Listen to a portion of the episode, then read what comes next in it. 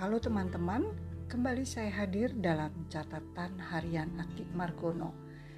Saya akan memberikan sebuah kisah cerita bijak berjudul Sang Pemulung Unggul. Pada suatu hari, dalam pelajaran agama di kelas 5 SD, ibu guru memberikan pelajaran rumah kepada para muridnya. Dia memberikan pertanyaan, seperti apakah Tuhan Allah itu?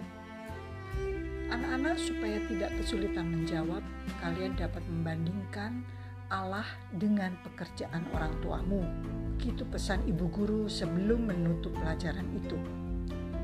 Keesokan harinya, satu persatu mengutarakan jawabannya. Tuhan Allah itu seperti psikiater, kata seorang anak yang ayahnya seorang psikiater. Ia sanggup menyembuhkan sakit penyakit jiwa, bahkan yang sudah parah sekalipun. Tuhan Allah itu seperti guru, ujar anak yang lain.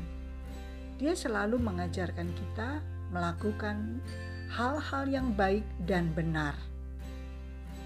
Tuhan Allah itu seperti hakim, ujar seorang anak yang papanya adalah hakim dengan bangga. Ia seperti hakim yang paling adil dan memutuskan segala perkara di bumi. Tuhan Allah itu seperti arsitek. Dia membangun rumah yang indah untuk kita di surga. Ujar seorang anak yang bapaknya seorang arsitek. Tuhan Allah itu pokoknya kaya sekali. Apa saja yang kita minta, Dia punya. Ujar seorang anak konglomerat. Guru tersebut tersenyum mendengarkan satu demi satu muridnya memberikan jawaban. Tapi ada satu anak dari tadi yang diam saja tampak risih mendengar jawaban teman-temannya.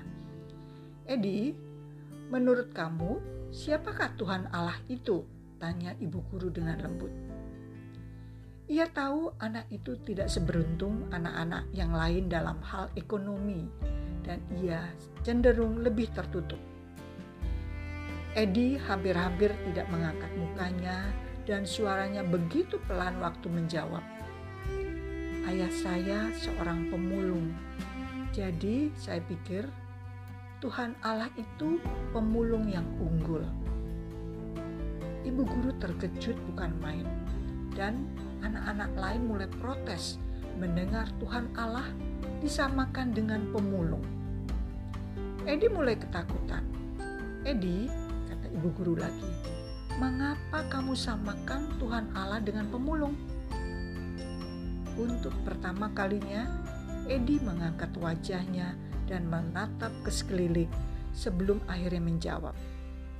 Karena ia memungut sampah yang tidak berguna seperti Edi dan menjadikan Edi manusia baru dia memungut apa saja yang telah dibuang dan dia menjadikan Edi anaknya.